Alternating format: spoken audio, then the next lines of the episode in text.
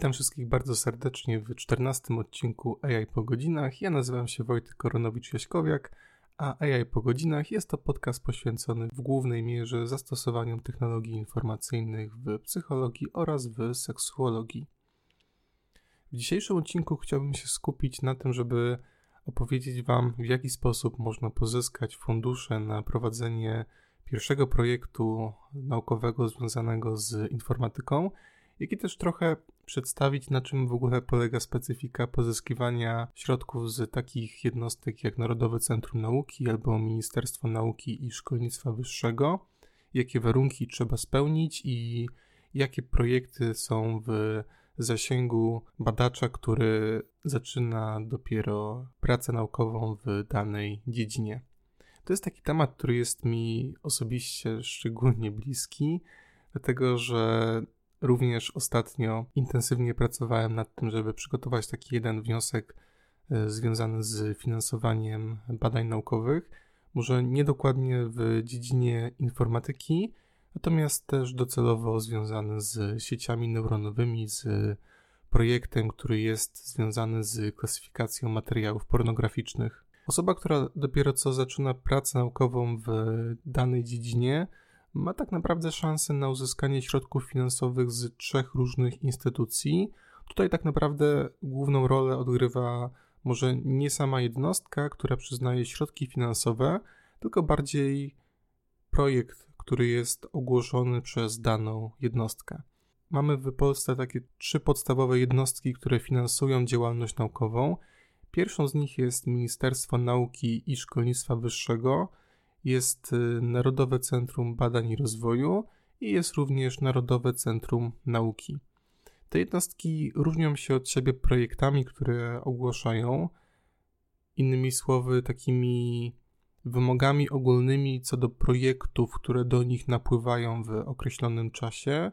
Różnią się oczywiście takimi szczegółowymi warunkami, w jaki sposób te badania są później realizowane i co ważniejsze, na co w ogóle te środki finansowe można przeznaczyć. Są jeszcze oczywiście takie mniejsze instytucje, fundacje naukowe, które już nie są finansowane z środków publicznych, tylko na przykład z różnego rodzaju mm, działalności członków, z wpłat indywidualnych. Ja o tych organizacjach natomiast nie będę dzisiaj mówił, ponieważ e, ich udział w finansowaniu nauki w Polsce również jest istotny. Jednak gdybym się miał skupić na tych różnych jeszcze wymaganiach szczegółowych, które wiążą się z, z jednostkami poza sektora publicznego, to wydaje mi się, że to myślę, że ta audycja nie trwałaby pół godziny, tylko znacznie więcej czasu. Tak na samym początku na pewno chciałbym zaznaczyć to, że nawet jeżeli ktoś nie prowadził wcześniej badań w jakimś określonym obszarze, na przykład w obszarze informatyki, to żeby w ogóle myśleć o pozyskaniu środków finansowych, nawet takich adresowanych do młodych badaczy, nawet niekiedy do studentów, ważne jest to, żeby móc się wcześniej wykazać jakąś aktywnością naukową. Tutaj na przykład, jeżeli myślimy o takich projektach naukowych, na przykład z Ministerstwa Nauki i Szkolnictwa Wyższego, które są dostosowane dla, e, do młodych badaczy, jak na przykład diamentowy grant, o którym będę za chwilę mówić, to ważne jest to, żeby udowodnić, że jak się było jeszcze w okresie studenckim, to nasze studiowanie nie polegało tylko na tym, żeby nauczyć się na zaliczenie jakiegoś przedmiotu, żeby uzyskać jak najwyższą ocenę z danego kursu, mm, no i na tym poprzestać, Istotne jest to, żeby udowodnić również, że będąc na studiach próbowało się realizować jakieś swoje własne mniejsze projekty naukowe, albo że brało się udział w projektach naukowych innych badaczy. Na przykład u nas w instytucie była w zasadzie od pierwszego roku studiów taka możliwość, żeby dołączyć się jako taki mm, nie wykonawca projektu, tylko taki współpracownik w ramach różnych badań psychologicznych prowadzonych w Instytucie Psychologii UJ-u. I to jest takie doświadczenie, które mm, pozwala po raz pierwszy zobaczyć, jak może wyglądać prowadzenie badań eksperymentalnych, i w konsekwencji, jak już trochę się w tych badaniach weźmie udział, To też możliwe jest e, najczęściej uzyskanie takiego potwierdzenia od kierownika projektu, że się w takich i w takich badaniach brało udział, że nasz udział polegał na tym, żeby na przykład zbierać e, wyniki badań, badań eksperymentalnych, albo brało się udział w opracowaniu i analizie statystycznej wyników. Osoby, które zajmują się ponadto również y, pracą nad tekstem, nad tekstem już publikacji, uzyskują również inną bardzo ważną rzecz, która jest niezwykle istotna przy aplikowaniu o różnego rodzaju granty. To jest możliwość pokazania, że jest się albo autorem, albo współautorem publikacji naukowych, które gdzieś w przyszłości wyszły. Istotne jest to, że te publikacje naukowe naprawdę nie muszą być ściśle związane z tym projektem, na który my teraz e, składamy wniosek.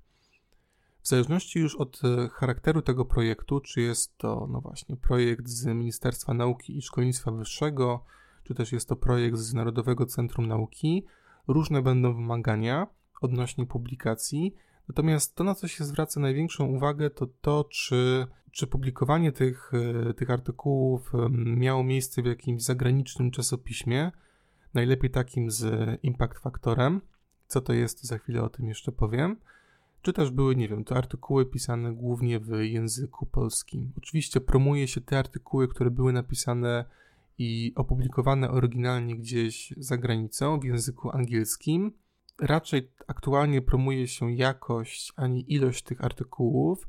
Chociaż jak ja aplikowałem o diamentowy grant kilka lat temu, to tam jednak kryteria były takie, że w, raczej liczyła się ilość tych artykułów niż ich jakość. Niż jakość, to znaczy rodzaj czasopisma, w którym ten artykuł został opublikowany. Mieliśmy w ostatnim czasie nową listę punktów za publikacje naukowe Ministerstwa Nauki i Szkolnictwa Wyższego. Lista była dosyć szeroko krytykowana w środowisku naukowym, głównie z tego względu, że nagle z dnia na dzień takie czasopisma, które istnieją długo na rynku, są rozpoznawalne przez badaczy, nagle przestały być punktowane, a inne czasopisma, które pojawiły się znikąd, nikt o nich, nikt o nich nie słyszał i są to takie czasopisma, w których raczej publikują i cytują siebie wzajemnie badacze z jakiegoś jednego instytutu, nagle uzyskały dosyć sporą liczbę punktów. To są takie kontrowersje, które wiążą się z tą nową listą, ale wydaje mi się, że kontrowersje takie z parametryzacją nauki i określaniem punktów za poszczególne publikacje zawsze były. Nawet wtedy, kiedy była ta wcześniejsza lista ministerialna, tak zwana lista B, i w tej liście B były czasopisma, które miały określoną liczbę punktów za publikację, to wtedy też były takie różnego rodzaju komentarze, że jakieś czasopismo ma mniej punktów niż powinno mieć, niektóre ma więcej, także zawsze się zdarzy ktoś, kto będzie niezadowolony. Natomiast te listy ministerialne zazwyczaj zawsze były takie dosyć, moim przynajmniej zdaniem, sprawiedliwe jeżeli chodzi o ocenę czasopism zagranicznych. Tutaj w głównym zakresie tą wagę przywiązywano i dalej się przywiązuje do czasopism posiadających impact factor. To jest taki wskaźnik, który odnosi się do tego, jak wszystkie artykuły z danego czasopisma w danym roku średnio były cytowane. Czyli im wyższy jest ten impact factor, to to po prostu oznacza, że Średnio artykuły w tym czasopiśmie są częściej cytowane niż na przykład artykuły w innych czasopismach. To jest niezwykle pożądany wskaźnik. Dużo czasopism chce mieć impact factor.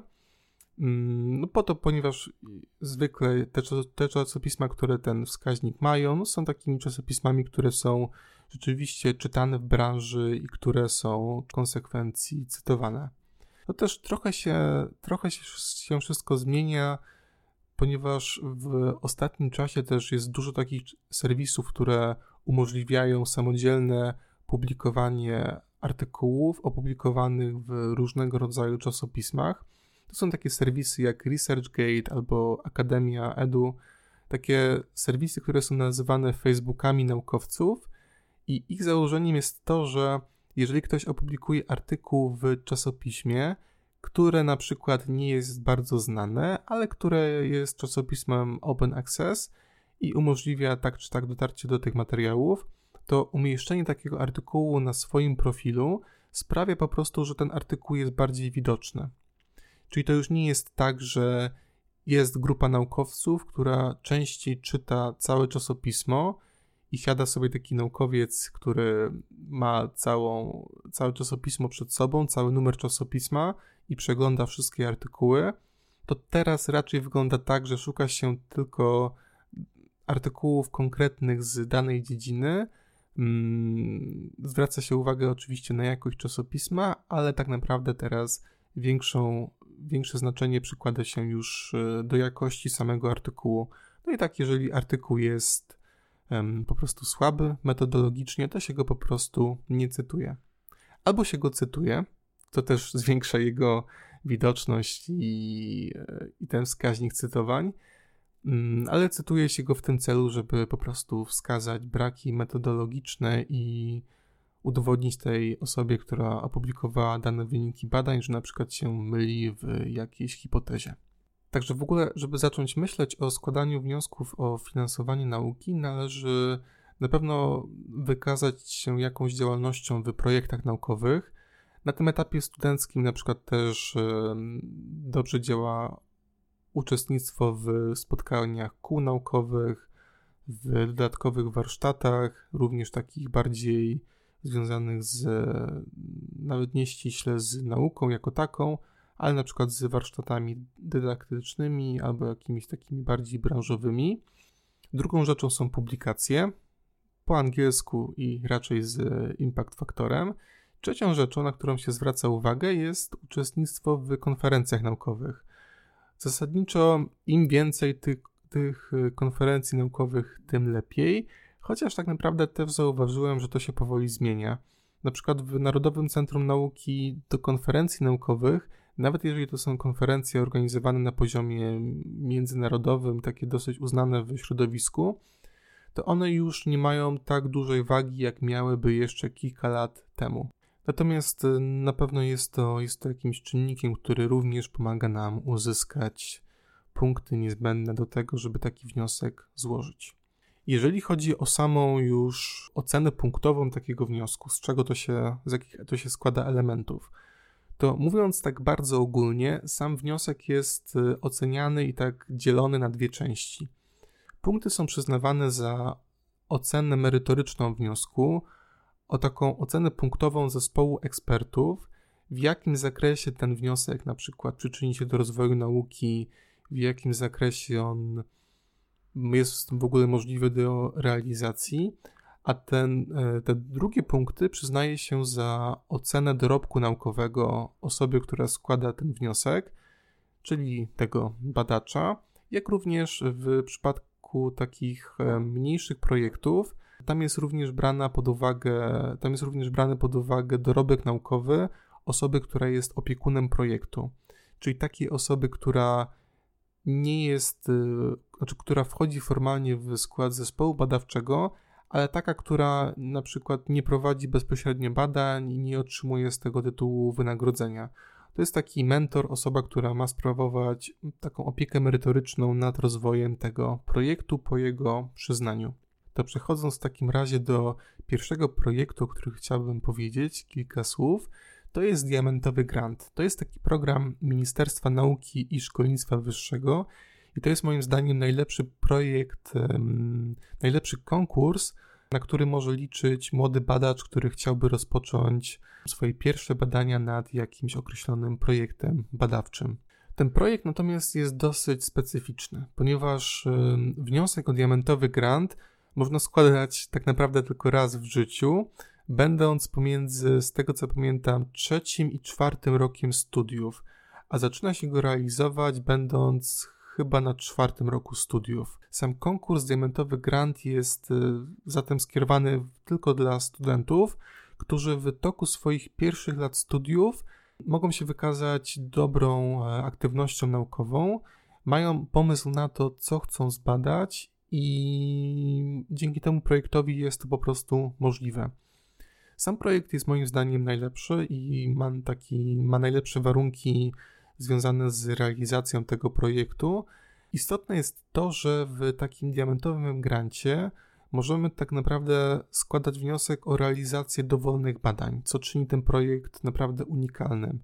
Nie musimy na przykład się ograniczać tym, że nasz projekt e, powinien mieć jakieś zastosowanie praktyczne, albo na przykład nie musimy zwracać uwagi na to, żeby nasz projekt był taki czysto teoretyczny. Tutaj mamy całkowitą dowolność w tym zakresie. Nie ma również ograniczenia na dziedziny, w których ten projekt e, składamy. Jest oczywiście kilka takich głównych dziedzin, na przykład no, nauki ścisłe i przyrodnicze, nauki społeczne itd. Tak Natomiast e, jeżeli ktoś miałby pomysł, będąc studentem, na to, żeby stworzyć, załóżmy, program, który miałby określać stopień zanieczyszczenia powietrza przy użyciu głębokich sieci neuronowych na podstawie zdjęć satelitarnych i chciałby uzyskać e, środki finansowe na to, żeby najpierw przeprowadzić takie badania teoretyczne nad tym, w jakim zakresie w ogóle taka analiza byłaby możliwa, na jakie parametry należałoby zwracać uwagę, i w tym samym projekcie chciałby przeznaczyć również środki finansowe na to, żeby stworzyć na przykład aplikację na telefony komórkowe, która informowałaby tych e, użytkowników, na przykład na całym świecie, jakie, jakie jest e, w tej chwili zanieczyszczenie powietrza. Pomijając już to, czy ten projekt byłby możliwy z takich czysto technicznych, e,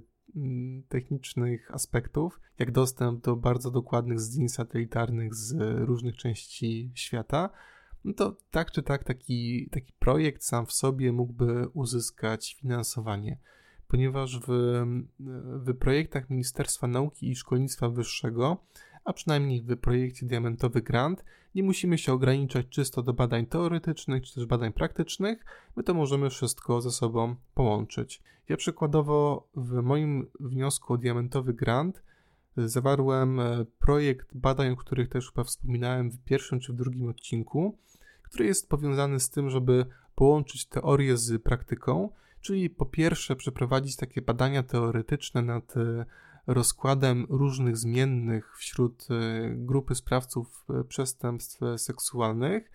No i tutaj jakby w tej pierwszej części badań uzyskałem już tak naprawdę, mogę powiedzieć, że w tej chwili już to uzyskałem wyniki, które na przykład pozwalają na określenie, czy jakaś konkretna grupa tych sprawców cechuje się gorszym funkcjonowaniem kontroli poznawczej, czy też lepszym funkcjonowaniem.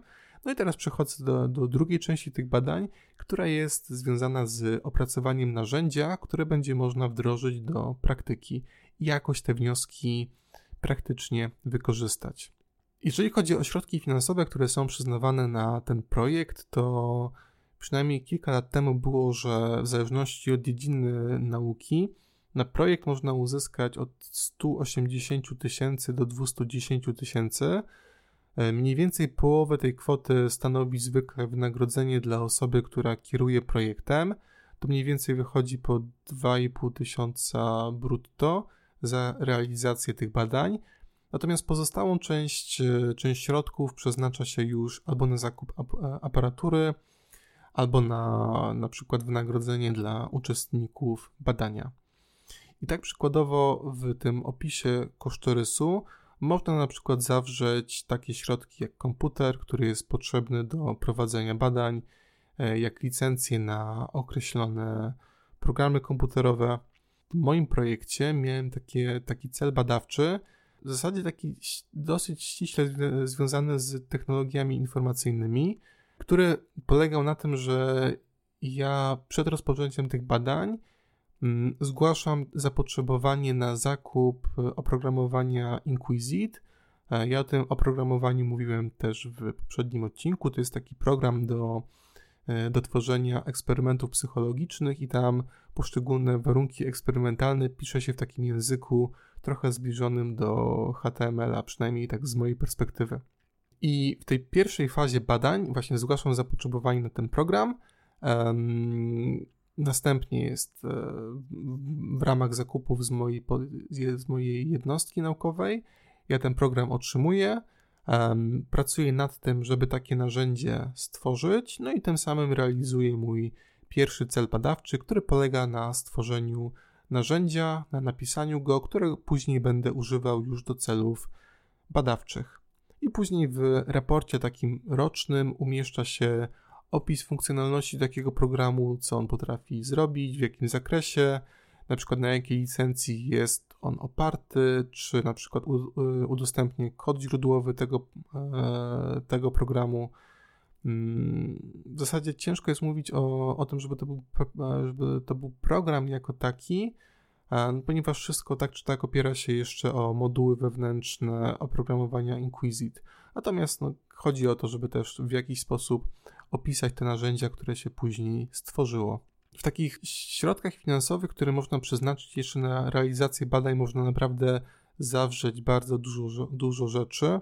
No, na przykład, jeżeli ktoś prowadzi projekt, który, który wymaga pracy z dużymi zbiorami danych, big data, na przykład można spokojnie przeznaczyć kilkanaście tysięcy złotych tylko na które będą w dalszej kolejności używane do pracy z danymi. No ponieważ to jest zakup niezbędny z punktu widzenia projektu, gdzieś te dane musimy, musimy trzymać, no i to musi być miejsce lokalne też, żeby na przykład te obliczenia móc prowadzić szybciej. Po przedstawieniu takiego uzasadnienia pisze się w, kosztach projektu, że ileś tam tych tysięcy się przeznaczy na to, żeby, e, żeby takie dyski twarde zakupić.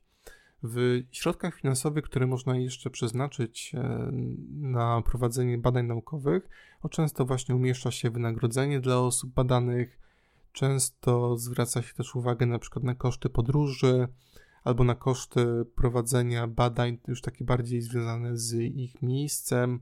Na przykład jeżeli ktoś prowadzi badania naukowe poza swoją jednostką naukową, no to często trzeba wynająć salę na prowadzenie tych badań Często również do kosztów prowadzenia badań wlicza się uczestnictwo w konferencji i to mogą być zarówno te koszty, które wiążą się z opłatą konferencyjną, koszty, które są związane z dojazdem na miejsce konferencji, no i czy też chociażby koszty, które wiążą się z tym, żeby sobie opłacić nocleg w danym miejscu.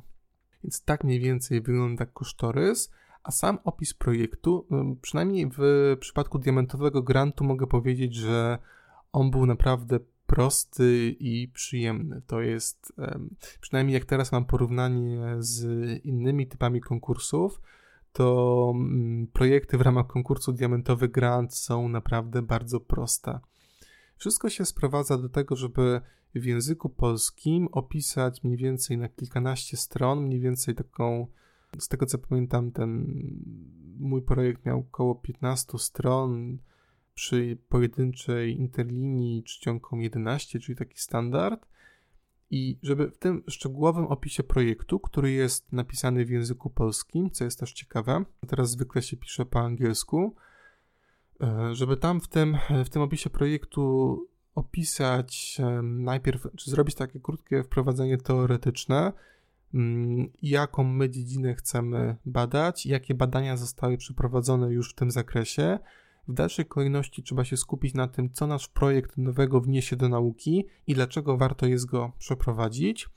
I na końcu jest taka część, w której opisujemy nasz projekt, ile będziemy mieli osób, e, osób badanych, jeżeli robimy jakieś badanie z, z udziałem uczestników badania, jeżeli to będzie badanie z zakresu informatyki, to tutaj na przykład y, często w ogóle nie ma osób badanych, to jest bardziej teoretyczny opis tego, opis operacji, jakie będziemy chcieli wykonać um, i do jakich skutków te operacje mogą, um, mogą doprowadzić. Robimy też taką, taką analizę mm, strat, tak, to, to, to znaczy um, rzeczy, które mogą pójść nie tak w trakcie prowadzenia tego badania, tak, tak naprawdę w gruncie rzeczy chodzi o taką e, wstępną analizę etyczną tego projektu, ponieważ sam projekt będzie już opiniowany przez właściwą komisję etyczną po tym, jak e, zostanie przyznany nam przez ministerstwo. E, to w dalszej kolejności zgłasza się do Wydziałowej Komisji Etycznej i tam potem jest wydawana taka, taka opinia, czy ten projekt jest, jest etyczny względem różnych grup albo naszych uczestników badania. Mm, natomiast my też w tym, e, w tym wstępnym, w ogóle w tym projekcie, który składamy do ministerstwa, robimy sobie na własny użytek też taką wstępną analizę etyczną. Jak już potem teś, ten projekt jest zatwierdzany, to zwykle jest realizowany przez okres 4 lat i mamy 4 lata na to, żeby przeprowadzić badania, które zgłosiliśmy do ministerstwa. Składamy co roku takie raporty, które wiążą się z realizacją tego projektu i jak również możemy już korzystać ze środków finansowych, które są przeznaczone na realizację tego projektu. To oczywiście też nie jest tak, że, że na przykład nagle dostajemy na konto 220 tysięcy i, i możemy te badania prowadzić. To jest tak, że te środki finansowe dostaje instytucja, która jest nadrzędna względem nami, na przykład jakiś uniwersytet. I w dalszej kolejności to uniwersytet, uniwersytet wypłaca nam na przykład nasze wynagrodzenie, jeżeli mamy w tym projekcie wpisane, że kierownik projektu otrzymuje załóżmy te 2,5 tysiąca brutto miesięcznie, to my musimy podpisać tak czy tak drugą umowę z uniwersytetem, że my jako kierownik projektu otrzymujemy z własnych środków finansowych wynagrodzenie miesięczne wynoszące 2,5 tysiąca brutto. W dalszej kolejności, na przykład jeżeli też chcemy, nie wiem, załóżmy kupić te dyski twarde albo, albo, albo kupić komputer, Mm, to jeżeli ta kwota tego mm, zakupów e, jest stosunkowo niska, z tego co pamiętam to chyba do 30 tysięcy, ale nie jestem pewien, to wtedy możemy w taki uproszczony sposób dokonać tego zakupu. Tak czy tak, na przykład dział informatyczny w, na naszym uniwersytecie musi dokonać takiej oceny tego, musi wysłać zapytanie ofertowe tam do kilku instytucji, zapytać się ich, jaki byłby koszt zakupu jakiegoś tam komputera o podanych parametrach. I jak taką ofertę się wyśle, to wtedy wybierana jest zwykle oferta, która jest najtańsza. I jest taki zakup realizowany już. I ten zakup dokonuje się za pośrednictwem naszego uniwersytetu. Drugim, ostatnim projektem, o, których, o którym chciałbym powiedzieć, jest e, projekt Preludium, i to już jest projekt nie realizowany przez Ministerstwo Nauki i Szkolnictwa Wyższego, tylko przez Narodowe Centrum Nauki. Mm, jest jeszcze taka trzecia, e, trzecia organizacja, Narodowe Centrum Badań i Rozwoju, o której dzisiaj nie będę, nie będę już mówił, dlatego że mm, jednak te, te konkursy, które są ogłoszone w tej instytucji, one raczej nie są skierowane do osób, które chcą uzyskać swój pierwszy projekt na realizację jakiegoś e, zadania badawczego, tylko to już są raczej takie konkursy, które dotyczą mm, pracowników naukowych, którzy mają już pewne doświadczenie naukowe, realizowali w przyszłości już jakiś projekt naukowy, a teraz chcą przełożyć te wnioski, które płyną na przykład z ich badań albo z badań kolegów, koleżanek na życie praktyczne. I to już są takie wnioski, które są mm, trochę mniej naukowe, natomiast są już bardziej nastawione na jakieś rozwiązania komercyjne. Jeżeli natomiast chodzi o, mm, o ten wniosek e, w ramach konkursu Preludium, realizowany przez Narodowe Centrum Nauki, to to jest tak naprawdę e, właśnie drugi, drugi typ konkursu, który jest osiągalny dla takiej osoby, która chciałaby rozpocząć swój pierwszy projekt naukowy w jakiejś dziedzinie tam na przykład wymaganiem jest to, że osoba, która składa wniosek o ten konkurs, nie może posiadać stopnia naukowego mm, doktora. Chyba też nie może mieć więcej niż 30 lat, ale tego też nie jestem pewien. Wiem na pewno, że na pewno stopnia doktora nie może mieć. I to jest taki projekt, w którym e, znowu można, mm, można wystąpić o przyznanie środków finansowych na realizację badań z dowolnej dziedziny nauki, no właśnie na przykład z zakresu informatyki.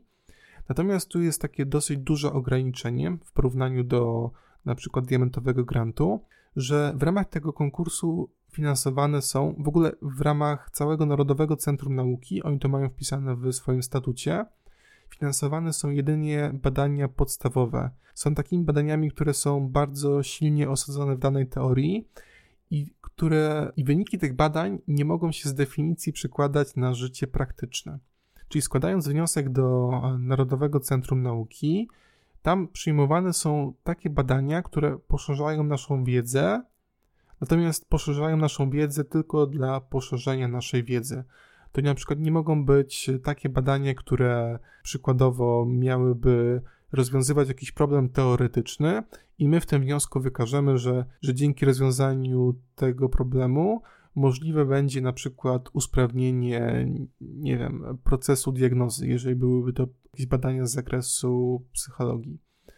Mm, w tym, e, w tym wniosku, innymi słowy, no, nie można wykazywać tego, że te badania mają jakiekolwiek przełożenie na życie, na życie pozabadawcze. Taka jest po prostu filozofia i takie jest e, rozumienie nauki przez tą jednostkę. Więc jeżeli ma się już pomysł na swoje badania podstawowe, o na przykład takim przykładem badania podstawowego w dziedzinie informatyki mogłoby być takie, mm, takie, taki, mógłby być taki eksperyment, który polegałby na zbadaniu skuteczności rozróżniania danych typów obiektów, jeżeli miałaby to być e, klasyfikacja za pomocą konwolucyjnych sieci neuronowych, skuteczność, skuteczność klasyfikacji różnych typów obiektów za pomocą na przykład jakiegoś autorskiego narzędzia, a czy jakiegoś swojego, swojej autorskiej modyfikacji jednego z modeli używanych do prowadzenia takiej klasyfikacji. Mógłby to, mogło to by być określone jako projekt w zakresie badań podstawowych. No, trzeba by tylko udowodnić, że samo sprawdzenie, który model jest najlepszy, jeszcze nie w ogóle nie ma żadnego przełożenia na życie praktyczne, ponieważ jest konieczne prowadzenie dalszych badań, które pomogłyby dopiero przełożenie tego modelu i wykorzystanie go w praktyce. Tak więc, jak już mamy pomysł na to, jakie badania z zakresu nauk podstawowych chcielibyśmy rozwiązać, to w dalszej kolejności przechodzimy do sporządzenia opisu tego projektu. I tu muszę przyznać, że w porównaniu do diamentowego grantu e, Ministerstwa Nauki i Szkolnictwa Wyższego, to w przypadku Preludium Narodowego Centrum Nauki tych formalności związanych z przygotowaniem projektu, z udzieleniem odpowiedzi na naprawdę bardzo dużą liczbę pytań jest e, no, zdecydowanie więcej. Ja ten e, wniosek Preludium miałem przyjemność przygotowywać dwukrotnie. Najpierw to był taki projekt związany z badaniami nad, nad placebo, nad e, antydepresantami. To badanie nie przeszło, a teraz składam wniosek o sfinansowanie badań podstawowych w zakresie materiałów pornograficznych. Szczegółów jeszcze nie zdradzam, natomiast jak najbardziej z chęcią się nimi podzielę, jak już ten wniosek, jak już ten wniosek e, zostanie zaakceptowany, na co mam dużą nadzieję. Jak ja składałem ten e, pierwszy wniosek w ramach preludium dwa lata temu, to też widzę, że liczba formalności takiej, e, takiej biurokracji naukowej, którą, której należy dopełnić, e, na pewno zwiększyła się, tak, w porównaniu z tym, z tym, co musiałem pisać dwa lata temu i co piszę w chwili obecnej, oto ten obecny wniosek jest dużo bardziej rozbudowany, trzeba udzielić odpowiedzi na dużo więcej pytań. I tutaj też jest istotne to, że my przygotowując ten wniosek, musimy go w całości napisać w języku angielskim. Tam tak naprawdę zdań i, i sekcji, które są napisane w języku polskim, jest naprawdę bardzo mało. To też moim zdaniem ma sens, ponieważ jeżeli oczekujemy w późniejszym czasie od naukowców tego, że wyniki ich pracy będą opublikowane w jakimś czasopiśmie z impact faktorem i zwracamy uwagę na to, żeby to było dobre czasopismo zagraniczne, to pozwala to też trochę zrobić taką wstępną selekcję osób, które no, nie będą chciały publikować w języku innym niż polski. I też pozwala to się też trochę zorientować w, w poziomie danego wniosku. Sekcji w Preludium jest dużo więcej niż właśnie w takim diamentowym grancie. Tam na przykład trzeba na, mm, tak żeby dać Wam jakiś przykład, należy przygotować najpierw taki szczegółowy opis projektu na mniej więcej od 10 do 15 stron, później taki opis streszczony tego projektu na około 5 stron. Komisja w Polsce ocenia tylko tą część pierwszą. Jeżeli projekt będzie dostatecznie ciekawy, to wtedy kieruje go na, na, do takich zewnętrznych recenzji i wtedy przesyła się ten projekt taki szczegółowy. W dalszej kolejności opisuje się, jaki będzie wkład poszczególnych członków zespołu do tego projektu. W sposób e, szczegółowy należy uzasadnić zakup różnego rodzaju aparatury, na przykład w ramach tego projektu, albo na przykład szacując, ile będzie wynosił koszt uczestnictwa w danej konferencji. Na przykład należy napisać, na jakiej podstawie my to wszystko oszacowaliśmy. Jest taka cała sekcja poświęcona kwestiom etycznym, kwestiom takim, które się wiążą z tym, w jaki sposób będziemy podchodzić do zabezpieczenia danych, mm, jak na przykład często będziemy robić kopie zapasowe tych danych. To są też takie informacje, które, których udzielamy w opisie tego wniosku. Tam też w tym projekcie należy bardzo szczegółowo opisać nasz projekt od takiej strony metodologicznej. Na przykład, ile będzie uczestników badania, jak my to obliczyliśmy, tą liczbę. Są takie specjalne kalkulatory e, naukowe do tego. Należy wskazać również, jakich narzędzi będziemy używać, czy one były zaadaptowane na język polski. Należy również opisać to, wiem, w jaki sposób będzie, będzie dokonywana selekcja uczestników badania, jak będzie wyglądała procedura, jak w dalszej kolejności będziemy liczyć wyniki. Cała ta metodologia opisana w taki dosyć szczegółowy sposób. Mm, jak to wszystko przygotujemy, to również opiekunem projektu jest osoba, która najczęściej ma tytuł doktora habilitowanego bądź tytuł profesora, i to jest taka osoba, która gdzieś ma kontrolować to, w jaki sposób nasz projekt się rozwija, jeżeli dostaniemy środki na jego realizację. I podobnie jak na przykład przy tym, e, przy konkursach Ministerstwa Nauki i Szkolnictwa Wyższego, później te środki finansowe dostaje nasza jednostka naukowa, ona oczywiście też sobie od tego pobiera tak zwane koszty pośrednie. No na przykład, jeżeli dostaniemy 200 tysięcy na realizację badań, no to musimy założyć, że nie wiem, 30 tysięcy po prostu pójdzie na to, że nasz, nasz uniwersytet dostanie te środki finansowe w ramach tak zwanej obsługi finansowej i administracyjnej naszego grantu. No to później my sobie e, tymi środkami finansowymi na wniosek kierowany do kierownika naszej jednostki możemy rozporządzać, na przykład nie wiem, zgłaszać zapotrzebowanie na zakup e, komputera. Jeżeli mamy w aparaturze naszego projektu podany komputer, o to wtedy znowu, podobnie jak przy diamentowym grancie, jest, jest robione takie oszacowanie kosztów, później ten zakup jest realizowany i rozliczany przez naszą jednostkę. Jeżeli chodzi o konkurs Preludium, to on jest ogłoszony raz na pół roku można e, też uzyskać około 200 tysięcy, w zależności chyba znowu od dziedziny naukowej, e, którą reprezentujemy. I on może być realizowany maksymalnie przez 36 miesięcy, czyli przez 3 lata, natomiast diamentowy grant jest realizowany przez 4 lata. Nie wspomniałem jeszcze o jednej takiej ciekawej rzeczy, ponieważ jak się składa wniosek o diamentowy grant, jeżeli ten diamentowy grant zostanie przyznany, to takim, taką ciekawą rzeczą jest to, że można zostać wpisanym już na studium doktoranckie, będąc jeszcze studentem. I to jest bardzo ciekawa rzecz. W regulaminie szkół doktorskich aktualnych, czy też studiów e, doktoranckich, tych przed reformą, jest taki zapis, który mówi o tym, że laureaci diamentowego grantu e, są przyjmowani poza kolejnością, jakby nie muszą się legitymować tytułem magistra, żeby taki doktorat rozpocząć. Ja na przykład dzięki temu mogłem rozpocząć studium doktoranckie w Instytucie Psychiatrii i Neurologii, wtedy, kiedy jeszcze byłem na piątym roku studiów, no co pozwala po prostu na przyspieszenie tego procesu i dostanie szybsze tytułu doktora. To to myślę, że byłoby na tyle, jeżeli chodzi o te takie projekty i typy konkursów, które mogą być w zainteresowaniu osoby, która chciałaby uzyskać po raz pierwszy środki finansowe na realizację swojego badania.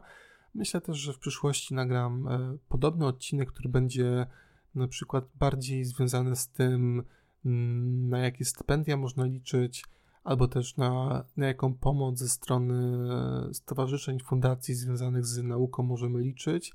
Jeżeli na przykład chcemy realizować nasz projekt naukowy, ale na przykład nie chcemy go realizować w formie grantu, czyli w takiej oficjalnej formie, że ktoś nam daje środki finansowe na jego realizację, tylko na przykład chcemy go realizować przez taki system stypendialny.